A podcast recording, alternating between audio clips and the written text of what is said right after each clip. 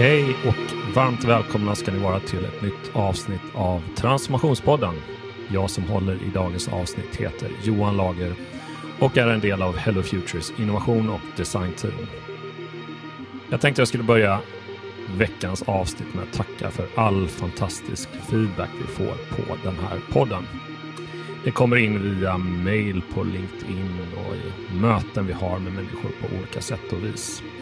Och de senaste veckorna har jag också haft förmånen att komma ut i landet lite och eh, då har jag fått träffa några av er som regelbundet lyssnar på podden och då också fått höra hur mycket den betyder. Och det värmer ju verkligen. Tack för att ni delar den här podden och rekommenderar den till andra. Det betyder naturligtvis väldigt mycket för att den här podden ska fortsätta att växa och att vi ska kunna göra podden bättre och bättre med tiden. Så ett stort tack till alla er. Idag har vi ett eh, spännande avsnitt framför oss. För med mig i poddvärmen idag har jag några av mina kollegor som jag dagligen jobbar med. Anna, Per och Simon. Välkommen hit. Tackar, tackar. Tack så, Tack så mycket. mycket Johan.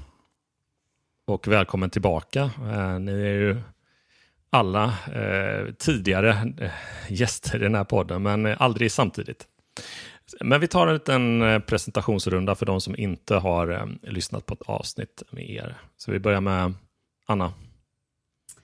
Ja, hej! Anna Wiggedal heter jag. Jag jobbar som eh, eh innovationsledare och designer här på Hello Future. Har gjort det i, sedan årsskiftet ungefär. Ehm, Jobbar med mycket tjänstedesignsprojekt och innovationsledning, tar fram framtidsvisioner och koncept och liknande saker. Mm. Just det. Och eh, Per, Ja, Per Lundgren. Jag sitter uppe i Ume och är med i ganska många av våra olika processer. Eh, jobbar med ledningslagret som vi nog kommer prata mer om sen, men det som handlar om att sätta en riktning för innovationsarbetet eh, hos våra olika organisationer som vi jobbar med. Jobbar också mycket i labblagret, att experimentera och hitta vägar framåt. Mm. Bygga upp det här systemet som, som finns runt innovation. Och sen eh, håller jag på med vår marknadsföring och delvis verksamhetsutveckling också. Så jag gör ju alldeles för mycket, det är väl slutsatsen. ja. Det blir så tydligt nu ja. när du radar upp det. och för de som har följt eh, Transformationspodden sedan starten så är du en eh, välbekant röst som nu gör comeback igen i podden och det är vi väldigt glada för. Per. Eh, ja, kul att vara tillbaka. Ja, verkligen. Eh, Simon? Yes. Um... Simon Mare heter jag. Jag sitter i Göteborg och eh, jag jobbar med design på Hello Future. Jag har varit här i typ ett och ett halvt år. Eh, tiden har gått fort inser jag när jag säger det, men det är för att vi har så kul. Mm. Eh, men det, design betyder ju liksom väldigt mycket mm. olika saker ofta. Eh, det, ehm, det handlar på något sätt om att eh, se till så att eh, det blir en riktigt bra användarupplevelse, vad det än man än designar. Mm. Det kan vara liksom från, från rent på konceptnivå ner till de faktiska placeringarna av liksom knappar eller vad som helst i liksom ett gränssnitt eller utformningen av en produkt och sådär. Allt för att liksom, som sagt användaren ska ha en så bra upplevelse som möjligt. Men jag brukar komma in lite eh, senare i, i, i, processen kan man säga, när det börjar, när man liksom någonstans i bryggan från liksom problemformuleringar, idéer och koncept och när det ska gå över till liksom verkliga lösningsförslag och, och saker som ska implementeras och sådär. Och då kommer jag in med mm. starkt fokus på att det ska funka bra för användaren i slutändan. Mm. Toppen. Jättebra. Och eh, Ja, anledningen varför vi sitter här i, idag är att vi i år har vi fördjupat oss i hur organisationer kan jobba systematiskt med innovation och vi har också belyst den här innovationsledarrollen då, som Anna du nämnde här också. Och Det som ständigt har kommit upp i, i de här samtalen är ju hur viktigt just teamet är för att innovationsledning ska kunna fungera. Eh, och Det kan ju tyckas självklart, eh, men det är ju ofta svårt att få ihop ett eh, väl fungerande innovationsteam. Och eh, vi kommer ju naturligtvis förenkla lite grann idag. Vi har ju fler i vårt eh, ID-team som vi kallar det då, innovation design. Och eh, jag tänkte att vi fyra skulle kunna prata lite grann om hur det ser ut när vi jobbar och vad det är för typ av, av arbete vi, vi gör. Men om vi tar det från början då, vad är då det här innovations och designteamet för någonting? Eh, det vi kallar ID-teamet på, på Hello Future. Är det någon som vill börja lite grann och eh, ja, berätta? Jag kan labba mig fram till vad vi är. Det är, det är inget eh, som har spikats i sten som, som allt annat på Hello Future så är det rörligt eftersom alla mål vi jobbar med är rörliga också. Men eh, innovationsdelen av det, eh, vi har ju en eh, innovationsstandard ISO 56000 som säger, som beskriver hur ett innovationssystem bör se ut utifrån goda exempel som man har sett runt om i, i världen då, när det fungerar. Och den här standarden ska göra det lättare för fler att, att kopiera de recept som fungerar helt enkelt. Eh, så att den utgår ju vi ifrån. En del av det vi gör i vårt team är att utifrån den här standarden hjälpa organisationer, oftast stora mogna organisationer, att bygga upp och arbeta inom ett innovationssystem. Så det är så, mm. så som jag ser innovationsbiten av det. Sen kanske Anna eller Simon är, bättre lämpade att prata om designbiten. Mm. Ja, men sen handlar det ju mycket om att liksom, i det här innovationssystemet eh, gå ner och börja labba och, och omsätta det till konkreta projekt och se på möjliga mm. framtider. Så det gör vi också och det är alltifrån lösa specifika utmaningar och problem som en organisation kan ha till att ta fram eh, en ny strategi eller framtidsvision. Eh, mm. Den typen utav framåtlutat arbete. Något att komplettera med där Simon?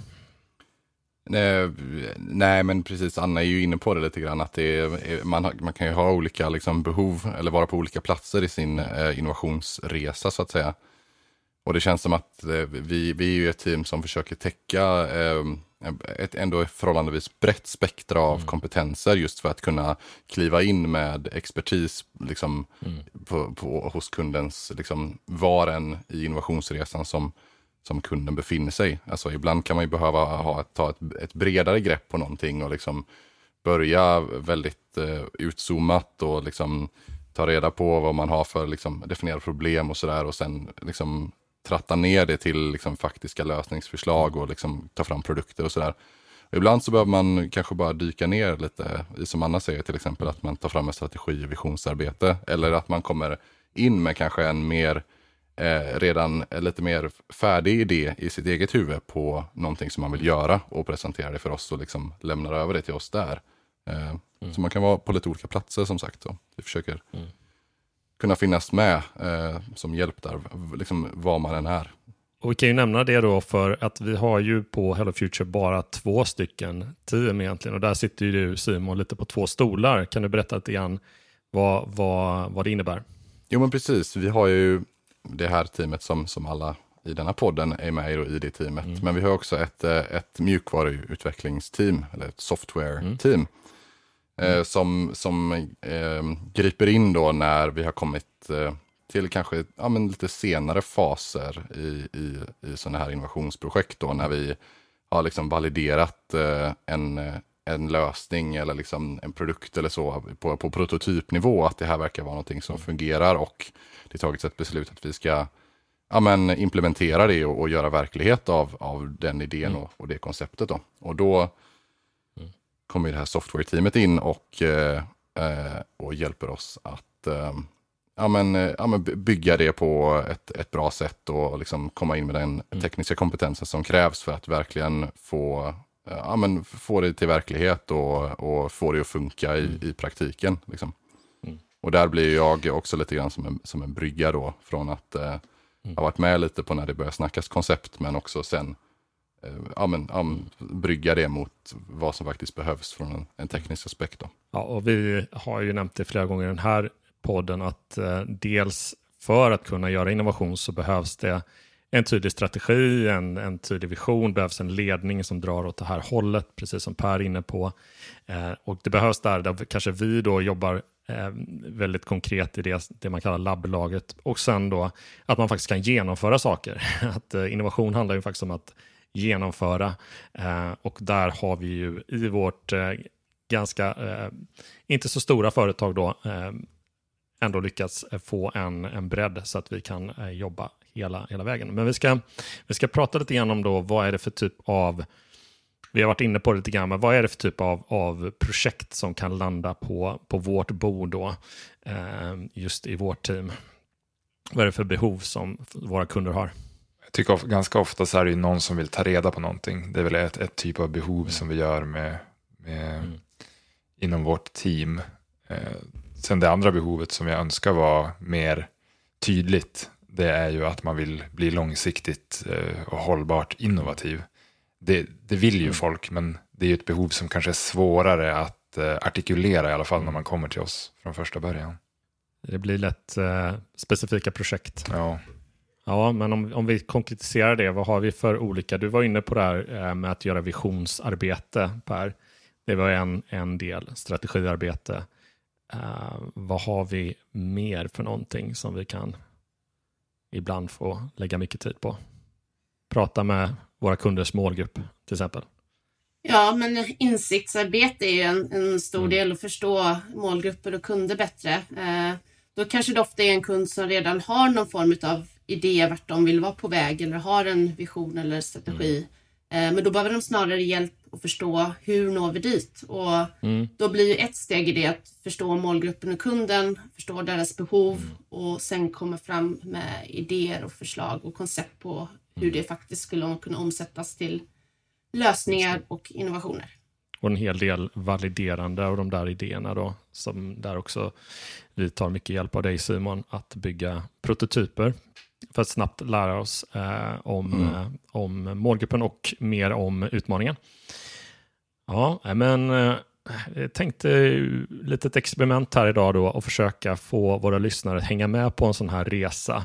Eh, och vi får se hur väl vi lyckas med det. Men eh, vi, vi tänkte ändå försöka förenkla det här eh, lite grann för att den som är intresserad av att jobba teambaserat med innovationsledning egentligen bara bryta ner vårt arbete eh, lite steg för steg genom att eh, titta på eh, när vi får in en typ av uppdrag då på ett ganska brett, bred nivå för att bli här idag. och sen försöka följa med då hur vi jobbar och eh, vad är viktiga kritiska punkter man behöver tänka på för att eh, Eh, lyckas med projektet. Eh, och det är ju så när man jobbar med innovation att man jobbar ju väldigt utforskande och eh, det kan vara lite ups and downs helt enkelt. Det kan vara en lite spännande resa att hänga med på och det är lite annorlunda sätt att jobba med när man har kanske ett fast mål eh, redan från början vad det ska bli i projektet. Vi har ju väldigt målsökande projekt där eh, resultatet kan vara då mer insikter för att, att, jobb, att eh, hur man sen går vidare med, med ett innovativt arbete exempelvis eller någon typ av första skisskoncept och så vidare. Och så brukar det ofta vara om man är ett, i, i ett innovationsteam, eh, eh, men också som vi är inne på att jobba med, eh, med visionen, att jobba med ledningen och så vidare. Men vi tänkte så här att eh, för enkelhetens skull då titta på ett fiktivt case som skulle kunna eh, eh, landa på vårt bord. Eh, vi jobbar ju en hel del just med kollektivtrafiken och eh, har varit inne på det också tidigare i den här podden och eh, vi tog en lågt hängande frukt idag eh, och, eh, och, och titta på hur ett sådant projekt skulle kunna se ut. Eh, jag läste i tidningen eh, häromdagen att Eh, den tyska regeringen har nu påbörjat ett experiment som kostar 25 miljarder kronor. Eh, och det är att eh, för 9 euro, då, ungefär 100 kronor, så ska man kunna resa hela sommaren. Då. Det är per månad då, så kan man resa runt i Tyskland helt fritt. Och det här är ju för att öka, liksom, ja, kompensera för stigande energipriser och liksom, få, få folk att, att lämna bilen hemma och Eh, främja då ett eh, mer smart alternativ som är med tåg och, och buss och så vidare. Om vi nu eh, tänker oss in i att vi har någon region, vi jobbar ju ofta med, med, med den offentliga sektorn och vi har en, en region som är inspirerad av det här initiativet och kommer till oss och säger eh, att eh, de vill göra något liknande. Och jag kan tänka mig att en del som, som jobbar med innovation internt i organisationer också kan få den här typen av ganska breda, diffusa förfrågningar av att man ser att de här har gjort på det här sättet, skulle vi kunna göra något liknande? Om vi tar det från, från början då, vad, hur tänker vi eh, när ett sånt här, när vi första, första uppstartsmötet med den, här, med den här kunden, vad är viktigt att eh, prata om eh, då? Jag skulle vilja börja med att förstå varför. För att erbjuda mm. ett 9 eh, euros busskort, det är ju en lösning. Eh, och Exakt. det kan vara en lösning på väldigt många olika problem. Så att jag skulle behöva förstå varför vill de göra det? Vad, vad är problemet? Är det att för få reser med kollektivtrafik eller är det att man vill främja lokalturismen i regionen eller är det att man vill minska klimatpåverkan? Mm. Det finns massa olika frågor. Um, så mm. det skulle vara nummer ett. Ja, precis. Och i det så finns det ju mycket annat man kan göra rent konkret i ett sådant uppstartsmöte. Man kan till exempel be dem att definiera hur ett lyckat utfall ungefär skulle kunna se ut i deras ögon mm. så att man får förstå och få syn på deras förväntningar och kan, kan jobba med dem. Mm. Men också risker, vad är, vad är det värsta som kan hända om vi gör det här? Och sen behöver man ju alltid från början få förstå ramarna runt någonting. Hur mycket tid har vi för att göra det här? Hur mycket får det kosta att göra det här? Ehm, mm. Så att bara egentligen att undersöka vart hörnflaggorna till allting sitter. Men det Anna pratar om är ju mm. verkligen mm. kärnan i det. Vad finns det för strategisk bakgrund till att ni gör det här?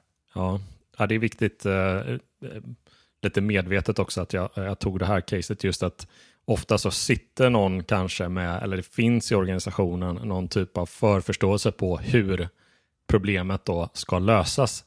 Eh, och man kanske fått inspiration från annat håll. Men vi gillar ju inte att börja med lösningar. det kan vi, och om vi gör det så vill vi gärna testa den lösningen så fort som möjligt. Eh, och se, validera, validera den. Eh, nej, istället så, så handlar det om att, att titta mer på vad är faktiskt eh, det som ni är inne på, både Per och Anna här då, varför, eh, varför är det här ett viktigt problem, att, eh, en viktig utmaning för organisationen egentligen. Ehm, och sen ta det därifrån. Och när man börjar packa upp en utmaning så ser man att det finns antagligen många olika vägar fram till att skapa ett, ett annat värde och så vidare. Mm. Men verkligen, och där handlar det inte bara om att svara på varför det är en utmaning utan också försöka sätta fingret på vad är den egentliga utmaningen. Mm. För annars blir det ju väldigt svårt att sedan validera en lösning om man inte har solklart mm. för sig vad det är den faktiskt ska lösa. Och det mm. kan ju vara flera olika saker, eh, särskilt om vi pratar om lite mer om en komplexa problem eller på större systemisk skala så löser de ju ofta flera olika saker samtidigt. Men ha den bilden klar för sig och kartlägga mm. det blir en viktig del. Simon, eh, du och jag har ju ganska nyligen eh, pratat i ett, ehm, ett avsnitt specifikt om expectations versus reality och det är ju någonting som kommer in här också. Eh, ofta som de som ger en uppdraget, eh, om det är så en kund i vårt fall eller internt i en organisation, att man har vissa förväntningar på hur det här ska göras och att det ska liksom bli väldigt lyckat. Eh, och att det ska bli spännande och eh, kreativt. Det är inte alltid så. nej, eh, nej, precis. Det är inte alltid så. Eh, det, om man vill eh, man vill höra ännu mer om det så, så finns det det. Det var några avsnitt sen, mm. jag tror det var avsnitt 66. Um, ehm, mm. Så pratade vi alltså om det. Um, men men uh, ja, lite kort alltså, om, vi, om vi håller oss till det här med vad, vad som, mm. som behövs liksom pratas om på ett uppstartsmöte och så, så är det också väldigt viktigt då liksom att alla känner sig bekväma med det arbetet som man kan komma att behöva göra då och ta det här klivet mm. tillbaka som vi pratar om lite grann. Eh, för det är inte alltid det känns så peppigt liksom, om man har kommit in med en, med en känsla att man, nu, nu har vi det här har vi idén, nu köttar vi på, mm. nu, det kommer bli grymt. Eh, så så eh, att ta det här klivet tillbaka kan, kan vara utmanande, utmanande liksom, på, på ett psykologiskt plan mm. för att det känns som att man liksom, rör sig bakåt istället för framåt. Då. Mm. Och det är viktigt att ha det med sig då och det blir viktigt för oss att prata om det på ett bra mm. sätt. Just att eh, det kan behöva vara lite jobbigt och gnissla lite och man kan behöva ta ett steg tillbaka för att kunna ta två steg fram. Då. Mm. Eh, så. Men om man är mer intresserad av liksom, eh, just den grejen och vad, varför, varför det är viktigt och liksom vad det finns för psykologiska utmaningar som med det. Så lyssna på mm.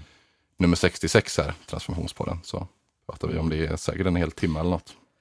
Ja, Ja, men jag, jag, jag, tror överlag det är viktigt att eh, när man kommer in att man, man, man försöker faktiskt stryka lite de här lösningarna som kanske redan finns i organisationen från början. För det finns ett stort så här, bias kring, kring vad som kommer funka och man kanske tittar mm. och blir inspirerad av andra att det kommer funka lika bra. Eh, så det behöver man ju då liksom städa bort ganska, ganska snabbt i ett sånt här typ av utforskande projekt, att få bort alla bias. Eh, hur översätter man det till svenska egentligen? Ja, men det är ju någon slags... Eh, Färgningar för... kanske, har jag tänkt ja, på. Fördomar, färgningar, man är, man är färgad. Liksom. Ja. Man är färgad av någonting och det är också sånt som kanske, alltså att man har saker tidigare i organisationen som man har lyckats med, att man försöker faktiskt koppla bort det lite grann och, och, och vara lite mer bred och, ehm, och utforskande kring det här. Skruva på det här, den här utmaningen på lite, på lite andra sätt och vis och lägga undan möjliga lösningar från början. Då. Ehm, så att eh, i grund och botten så skulle den här kunden egentligen vilja få till en, någon typ av beteendeförändring egentligen eh, hos sin målgrupp. Eh, och hur skulle vi mm. kunna hjälpa till med, med den?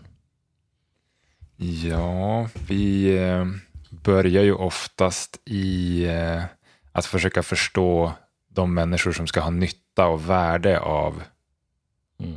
lösningen eller av liksom det som mm. ska komma ut ur, den här, ur det här behovet. Att förstå vad, mm. vad människor, alltså hur människor, eh, vad, vad som skulle kunna funka för dem helt enkelt. Så om vi tar det här exemplet mm. med, med billigt kollektivt och fritt resande.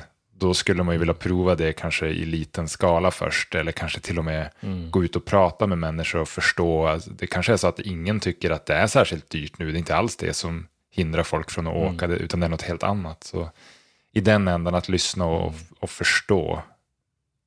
Det, mm. Där skulle vi nog börja. Eller vad säger du Anna? Mm.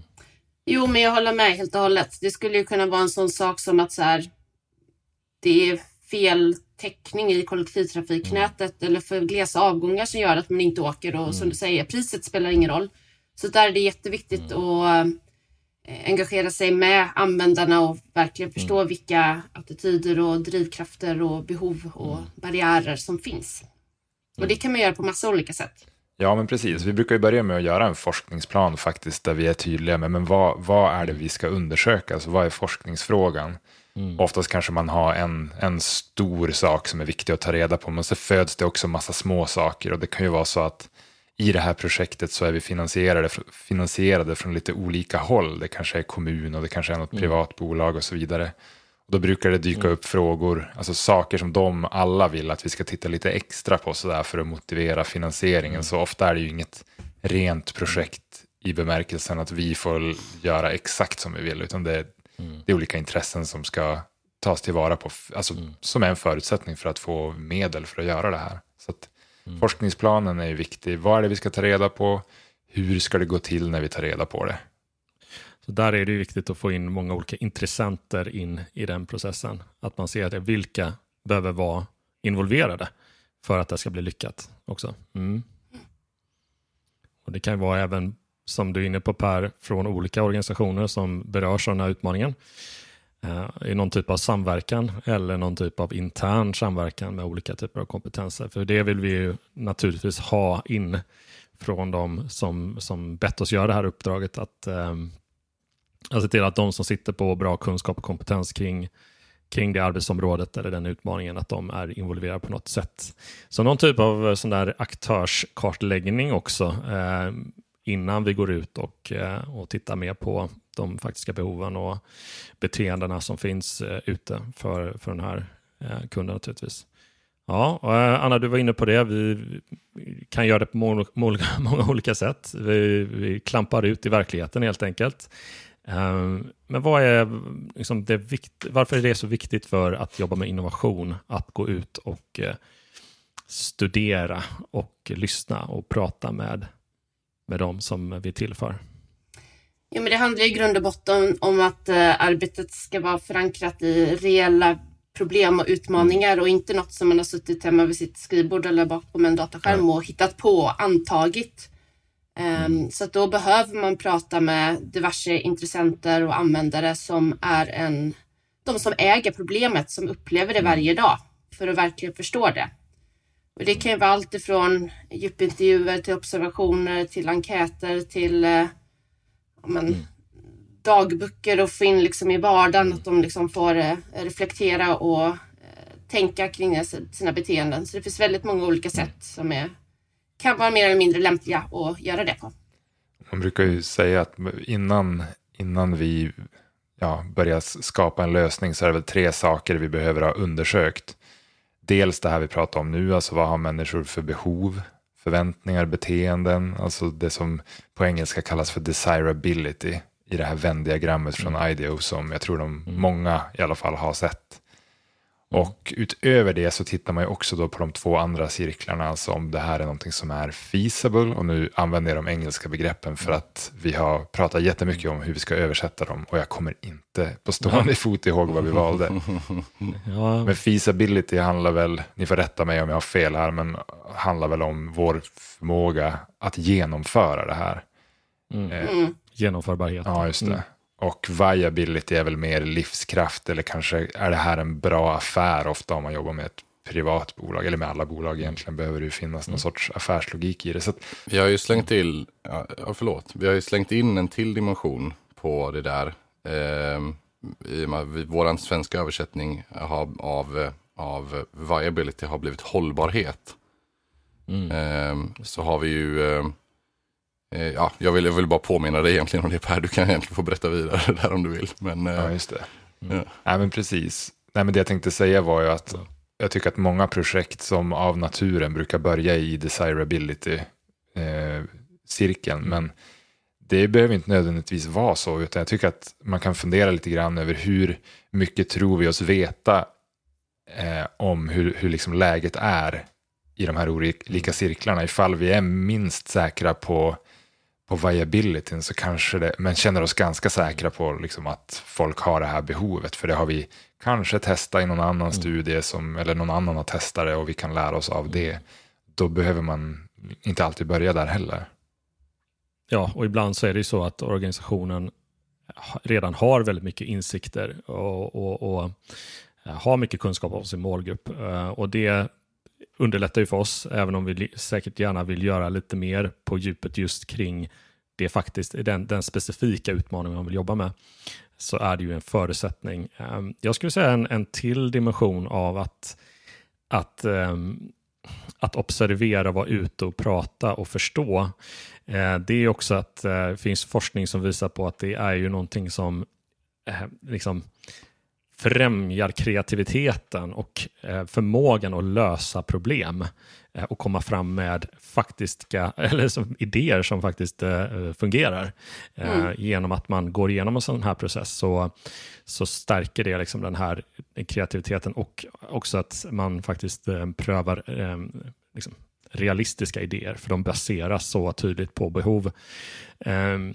Medan man kanske är ute och eh, flyger eh, lite grann i det okända i en idégenerering om man inte är liksom väl förankrad ankrad i de behoven. Och när ett, ett team som vi har um, som vi jobbar med då, för de som, som, som gett oss uppdraget, när de är väl så att säga, marinerade i de faktiska behoven och beteendena och så hos målgruppen så ser vi också att de har en, en bättre förutsättning att faktiskt eh, komma fram med, med bra idéer. Nu ska vi vara inne lite grann på det här med data eh, och eh, liksom det här som kommer ut av sånt här insiktsarbete.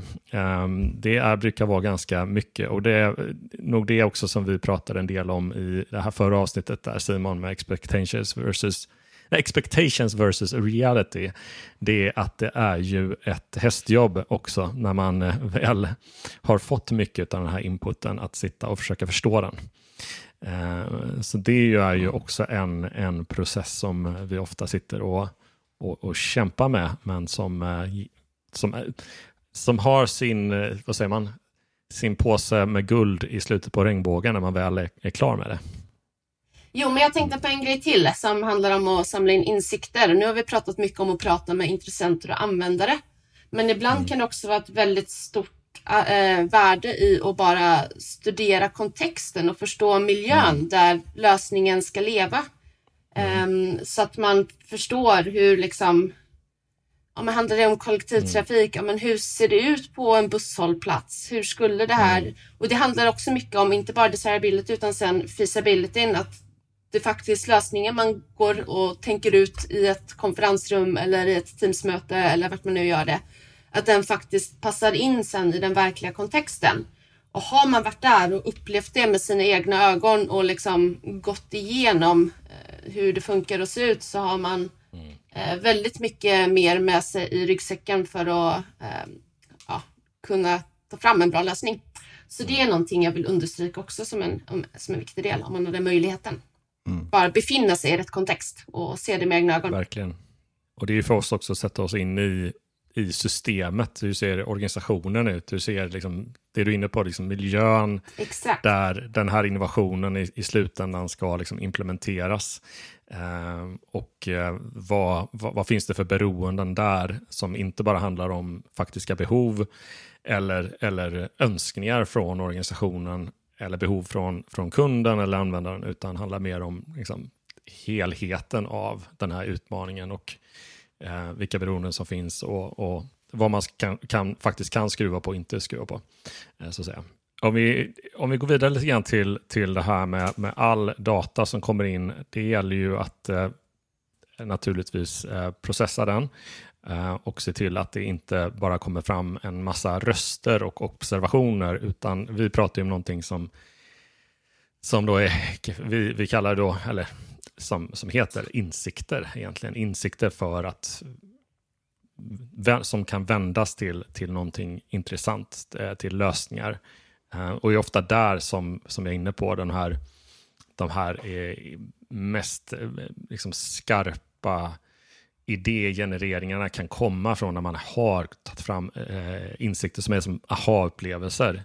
Um, för det är, det är det som är liksom, som vi är inne på, det är lite, lite um, guldet i slutet på regnbågen, så att säga, att man har promenerat den här långa vägen för att komma fram till, till de här insikterna. Um, har vi något att säga om det arbetet och hur vi brukar ta oss igenom en sån process? Så det kan ju se ut på ganska många olika sätt lite beroende på vad, vad för typ av insiktsarbete man har mm. gjort. Om man har liksom mycket eh, enkätsvar som kanske är mer kvantitativa mm. eller om det är djupintervjuer och observationer som är mer kvalitativa. Mm. Men vad det handlar om är egentligen att leta efter mönster i den stora massan mm. av eh, observationer och mm. saker man har sett och hört. Um, och utifrån de mönstren Mm. Skapa någon form av kluster som eh, kan sammanfattas som insikter mm. som man kan eh, gå vidare med och ta mm. olika actions på. Liksom. Jag kan tänka mig just här då, innan man kommer till den riktigt, kanske vad många upplever som lite roliga då, när man får börja faktiskt prata lösningar och så vidare, så kan det ju vara en väldigt så här berg och dalbana för de som, som jobbar med oss.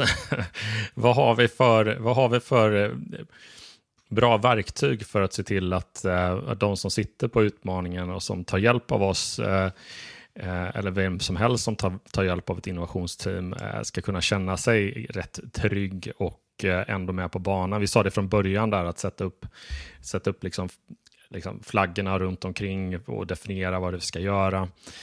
Men det handlar också om lite olika typer av arbetssätt och avstämningar och så vidare. Uh, vad har vi för exempel där Per? Vad, vad, vad brukar du vad, vad, brukar underlätta dig i ett projekt för att uh, få till den bra rytmen där med, med, med kunden? Ja, det handlar väl om att kunden ska få vara med men inte behöva ta, eh, bry sig om liksom varenda liten datapunkt i ett projekt. Och Nej. Så som vi har lagt upp det i, ja, nu på slutet i alla fall, är att vi har haft egentligen två digitala, eller ett digitalt verktyg eh, som mm. heter Airtable som är det är som ett spreadsheet fast med mycket mer funktionalitet där man kan samla observationer egentligen. Så vi har ju samlat in, i många mm. projekt kommer ju datan från olika håll. Det kan vara från djupintervjuer, det kan vara från enkätundersökningar och så vidare. Och det vi gör då, en sorts första treatment på den rådatan, det är att vi tittar efter observationer och för in de observationerna i det här spreadsheet-verktyget Airtable. Och en observation är ju någon sorts, vi försöker objektivt titta på vad vi ser och uttrycka det med egna ord. Eh, pratar vi med någon som mm. är väldigt arg på någonting och lång, länge berättar om någonting hen har varit med om, då kan observationen vara liksom att den här personen är, verkar vara upprörd och besviken över hur, mm. hur någonting fungerar. Så att då behöver kunden istället mm. för att gå ner i rådatan och förhålla sig till allting, vilket är väldigt energikrävande, så kan kunden titta på observationen. Och en observation kan också mm. vara ett direkt citat som sticker ut på något sätt för oss. Så att jag, jag någonstans kanske 20-40% av datan vi får in, eh, eller så här, 60-70, mm. kanske 80% av datan som kommer in försvinner liksom när vi gör om det till observationer. Det är det som sticker ut som mm. blir kvar någonstans. Och eh, då har vi oftast återkommande möten med kunden under den här processen där vi försöker vara så transparenta som möjligt med att visa men vad har vi gjort sen sist? Vad har vi sett? Eh, vi visar dem saker, de själva får reagera på det så att man drar nytta av varandra så mycket som möjligt och de får inte bara ett resultat när projektet är över utan de får också lära sig ett sätt att arbeta med det här som gör att de kan fortsätta med det sen. Mm. Och eh, någon som vill tillägga något? Något annat vi, vi brukar få ut av den processen? Nej, men jag kan ju bara tillägga att det finns ju många värden i som Pers att involvera kunden i den här processen. Eh, det blir ju som att de ser ju många fler nyanser sen i insikterna vi får fram om de har, om de har varit med och lyft blocket och sett en glimt av de här olika citaten och berättelserna och man får en djupare förståelse så att, eh, och kan också vara med och peka ut saker som är extra intressanta för ofta kan ju kunden mer om sitt område eller sin produkt eller kontext än vad vi gjorde från början. Så där får man ju verkligen hjälpas åt. Och jag, jag rekommenderar alltid att eh, kunden är på något sätt också deltar i en del av de här intervjuerna och eh, i de här studierna. För att eh, blir det bara en konsultrapport liksom, eller en rapport ifrån innovationsteamet så, så skapar det inte samma typ av empati för behoven eh, som det gör när man faktiskt är med och eh, deltar på något sätt. Man kan sitta med på en intervju eller till och med genomföra någon intervju eller eh, göra egna observationer och delta i den processen. Det är alltid ett, eh, en jättestor fördel så att säga. Och eh, oftast blir det så att man får ju lite omdefiniera problemet eh, efter man gjort det här. Då ser man det på lite ett nytt sätt. Eh, eh utmaningen får andra nyanser och eh, man mer och mer kanske kommer fram till eh, nya perspektiv som gör att, att man får, måste testa lite olika typer av, av, av lösningar. men också att man måste också prioritera i den här fasen. Man kan inte lösa allting alla behov eh, och titta på alla eh, insikter samtidigt. Väldigt sällan kan man göra det, utan då måste man ju gå ner och um, försöka prioritera ner det till någonting som, som eh, vi vill här, fokusera på i, i, nästa steg. Då. Uh, och det är en process med, med kunderna. Vi får egentligen bara um, titta internt i organisationen. Vad är viktigast att lösa nu uh, och vad kan vi vänta med? Och uh, det som kommer ut i den här processen är ju ehm, också mycket visuellt. Det kan vara kundresa eller personer eller någon, någon typ av visuell eh, berättelse kring, eh, kring eh, behoven och eh, utmaningen. Ehm, och då får man ju äntligen hoppa in i mer det här eh, eller äntligen ska jag säga, det beror på vad man, man tycker mest om i den här processen, men, men eh, att vara med och eh, facilitera, ehm, jag kan säga det, mycket av det här sker ju i olika typer av Eh, workshops som vi gör med eh, kunden och ibland med användaren också. Eh, det vill säga strukturerade arbetsmöten med väldigt tydliga liksom, syften och mål med vad utfallet ska vara i, i under kanske två, två timmar eller mindre eller lite mer. Simon, du brukar ofta komma in i den här fasen.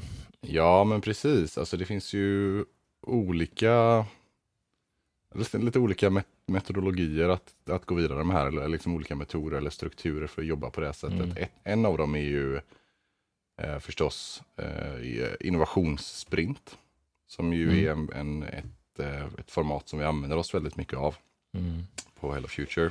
Um, jag tror att det finns något gammalt uh, gammalt eh, poddavsnitt om det också. Om kanske Mm. avsnitt, avsnitt nio om jag inte missminner mig, tror jag.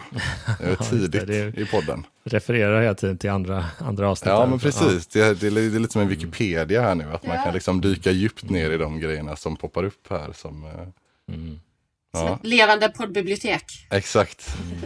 Så, så där kan man ju lyssna om man vill, om man vill gå i djupet på, på den eh, ganska populära eh, processen. Då. Men ehm, jag, funder, jag funderar på om vi, vi ska prata lite grann om, om, om vad det kan vara för karaktär på de insikter som vi Mm. eh, kommit fram till här innan vi går fram, eh, innan vi går fram i den processen. Alltså det, det, vi pratade om det lite grann i början, att man, att man, man kan kanske komma in med en viss idé. Vi, vi tog ju det här exemplet med att i Tyskland då, att man skulle kunna åka var som helst för eh, 9 euro biljett och så. Och, det, och då att man, det kan, man kanske trodde att det berodde på något visst, någon, någon viss anledning eller man hade något visst mål med att göra det. Men låt säga att vi har genomfört mer av det här insiktsarbetet då, eh, som, som ni kanske, Anna och Per, brukar vara involver- involverade i ganska mycket. Kan inte ni berätta lite grann, eh, nu hijackar jag nästan din, din, din ledarroll här Johan. Men jag är så nyfiken, jag är så nyfiken på att veta, eh, liksom, vad, vad kan det vara för karaktär på de sakerna man kommer fram till? Och jag har förstått att det ofta eh, kan vara liksom, ja, men så, så, saker som man kanske inte hade väntat sig från första början. Ja, men exakt, det där är en superbra fråga. Ehm, men låt säga i det här exemplet då att man från början hade att kommit överens om att utmaningen var att man ville få fler att resa. Men man visste inte varför det var ett problem att inte så många reste och så hade man ju sett där 9 euro, skitbra lösning. Då i insiktsarbetet så kanske vi har fått reda på insikter så som att ehm, ehm, det är dålig information om eh, hur eh, liksom, kollektivtrafiksystemet funkar. Det kan vara en barriär. Det kan vara något som att ja, det finns inte tillräckligt många hållplatser där folk bor utanför storstadsregionerna. Det kan vara en barriär eller ett problem. Så att man pinpointar sånt som är ett, en barriär eller ett problemområde eller ett hinder för eh, kunder och resenärer i dagsläget och använder det som eh, utgångspunkter sen i idégenereringen. Och då får man ju prioritera och välja ett antal sådana problemområden som man har fått insikter kring. Eh, som man tror kan ha störst effekt och störst potential för att uppfylla den övergripande utmaningen eller målet med projektet. Ja, men precis, man vill ju hitta de här insikterna, lite där som, som Per är inne på, att det är någonting som är ett behov, men det är också eh, där, de insikterna där man ser att här kan vi göra någonting som på sikt är en hållbar lösning. Liksom vi, vi, kan, vi kan jobba med, med, eh, med någonting som eh, eh, med behov som, som, inte är quick, som inte handlar om quick fixes heller. Det vill säga att kan vi ta de här, de här insikterna och, och göra någonting annorlunda med dem så kanske vi kan få någonting på, få en beteendeförändring som inte bara är jag gissar kanske, eh, jag vet ju inte hur det kommer gå för Tyskland här nu, men det, risken är ju att ingen kommer resa sen efter sommaren, utan bara under sommaren då så har man inte fått till någon lång, långvarig befe- beteendeförändring, utan det är det vi vill försöka f- få ut av det här då, egentligen. Eh, ja, fick du lite, fick du lite um, bättre svar där? Ja, men, på din fråga. Jo, det känns väl så. Alltså, det är ju, det, just, jag är så nyfiken just i och med att det är här jag, eh, som jag brukar komma in lite grann när vi ska titta på vad vi liksom fått för insikter och, och ta det vidare till och liksom börja tänka på eh, vad, vad det finns för idéer på lösning, lösningar till det här och så då. Mm. Men det här är ju också, som jag sa lite i förbifarten, en nyckel är ju att eh, förstå alltså så här, vart man kan ha effekt. Om det är lokaltrafiken som har gett uppdraget så kanske inte de kan påverka nationella kollektivtrafiksystemet. Så det kanske inte är där de kan ha störst eh, inflytande till exempel. Så att man får ta det perspektivet också. Så kan man ju alltid ta med så här, det här bör ske för att det ska bli ultimat för alla. Men man kanske inte kan lösa allt på en gång och då får man börja där man faktiskt kan göra skillnad. Jag tycker det är en intressant fråga också med vad som är en bra insikt. För där har vi ju ibland, alltså man bjuder in eh, kunden att få med och titta på våra mönster och observationer för att se vilka insikter som dyker upp i deras huvuden. Men då märker man ju att det är ju svårt, alltså vad är en bra insikt och vad, vad är det inte så att säga? Är det någon som har något bra svar? Jag har en teori nämligen. är det en fälla? Det är, en, det är 100 procent en fälla. Ja, då säger jag inget. Nej, smart. Ja, men... Nej, men jag, jag tänker att där är det svårt det här utmaningen med att lyfta blicken lagom mm. mycket. Mm. Så man inte bara blir fast i att bekräfta mm. vad man redan vet, men samtidigt kolla på insikter som man faktiskt kan agera på. Mm. Jag vet inte om det var alltså jag hade faktiskt tänkt säga exakt samma sak, mm. men med andra ord. Men jag tycker också att det är de, de två. Alltså, dels att den behöver vara ny på något sätt. Vet vi det redan så är det ingen insikt. Och dels att den behöver påverka alltså lösningen eller designen. Den behöver påverka mm. och driva som det vi ska göra. Den behöver vara bränsle för det vi ska göra. Och det kan mm. vara hur intressant som helst, men om det inte är bränsle till det vi ska göra, då är det liksom ingen insikt i det här projektet riktigt. Sen är ju, alltså jag menar, må många av våra projekt är ju, det kanske visar sig att det största hindret för oss är ett, en lag. Mm. Men det kan ju mycket väl vara så att det är någonting mm. vi får möjlighet att arbeta med på ett eller annat mm. sätt. Alltså lagar gå att förändra eller omtolka. Alltså jag, jag tycker att det är här någonstans känns det att man börjar komma in i den här väldigt liksom eh, loopande processen av att behöva liksom jobba lite grann med vissa insikter och, och ta dem liksom ett steg längre för att eh, se om, eh, om, om de är bra, om, om vi nu ska använda det eh, adjektivet, eh, att, att, att, att den är bra. Alltså just för att man Mm. Om vi försöker koppla tillbaka till det här, till det här eh, metoden innovationssprint då, som jag pratade jättekort mm. om där. Um, så är det ett sätt som man mm. kan um, ta en liksom mer avgränsad del av, av problem, problemet som man har. Alltså man kan välja nästan en av de här insikterna, liksom, eller en avsmalnad bit av det, av det området. Och genom en väldigt mm. strukturerad process då också mm. tillsammans med kunden. Eh, ta det ett steg vidare och, eh, och i slutändan då utan att gå in för mycket på vad man gör exakt i metoden så, så liksom eh, ja, men generera olika idéer och lösningsförslag mm. och sen bygga en prototyp och snabbt testa det mot den här målgruppen och, och därmed lära sig väldigt mycket om man kan liksom börja hitta um, små, små ytterligare insiktsbitar mm. om, om den här grundinsikten som man fått då. Mm. Att eh, man kanske får en insikt av att, men, eh, om vi tar det här exemplet igen då, eh, ja, men att, eh, ja, vad ska vi ta? Att eh, folk verkar inte vilja åka så mycket kollektivtrafik för att de tycker att bussarna släpper ut alldeles för mycket liksom, koldioxid i atmosfären. Så, så kanske det inte är, men ta det som ett exempel. Det skulle kunna vara en insikt då från det här insiktsarbetet mm. och då skulle man kunna Eh, genom att ta det ett steg vidare och liksom komma fram med, med någon skiss på, på lösning mm. på hur man skulle kunna tackla det problemet och sen testa det snabbt. Mm.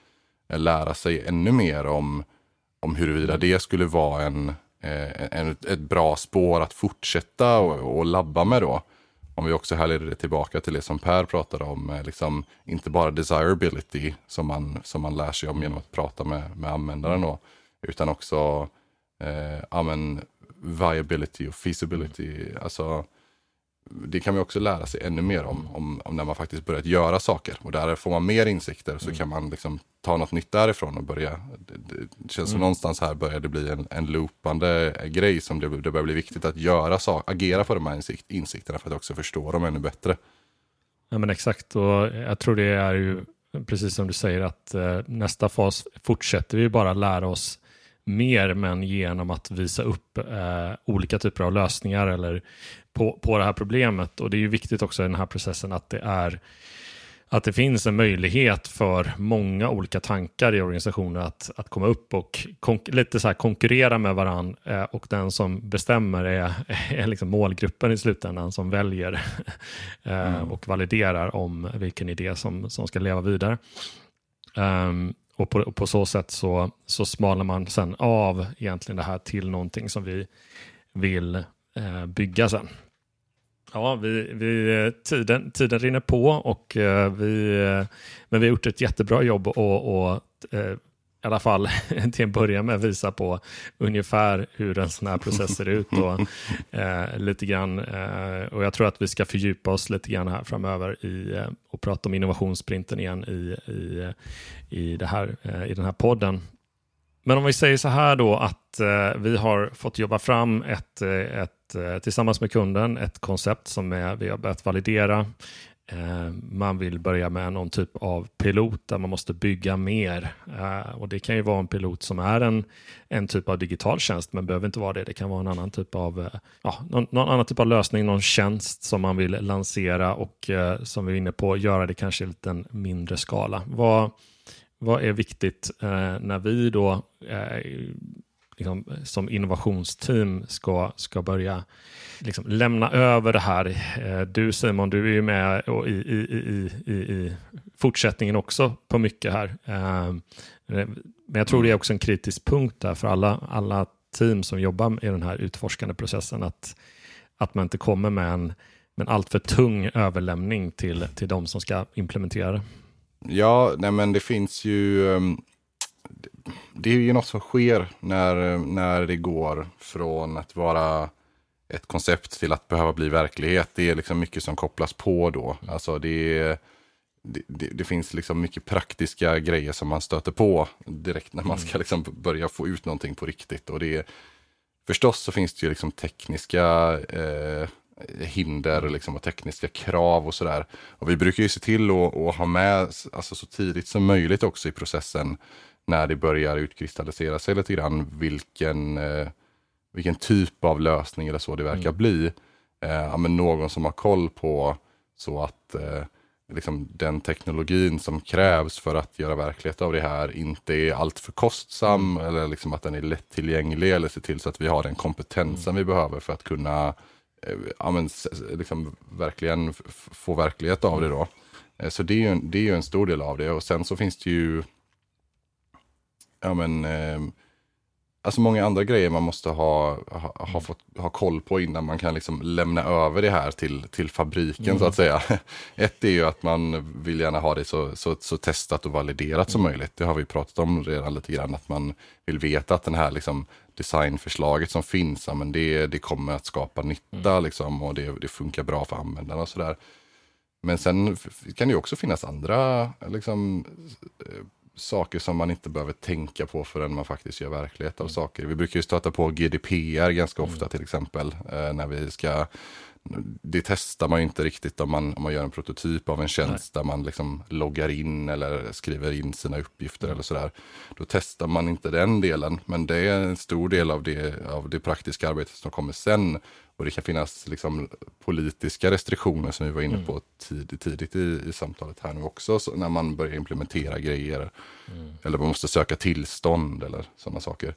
Så det är ju också saker man liksom får försöka ha med i processen eh, så fort man, man börjar märka att man är på väg åt i en viss mm. riktning. Då, att få koll på de här grejerna och ha det färdigt egentligen innan man lämnar över det till att det ska börja implementeras i, ja men pratar vi en digital lösning då så är det ju liksom i kod att man ska programmera det då. I och med att det är ett sätt att jobba på som är mycket mindre flexibelt. Eh, och, och, därför vill man ju behöva göra så få förändringar som möjligt när man väl har kommit mm. dit då. Jag vet inte riktigt om det gav svar på din fråga där Johan. Nej, det är jättebra. Lång ja. utläggning. Någon som vill eh, komplettera? Jag tyckte det var ett bra svar. Det var ett bra svar.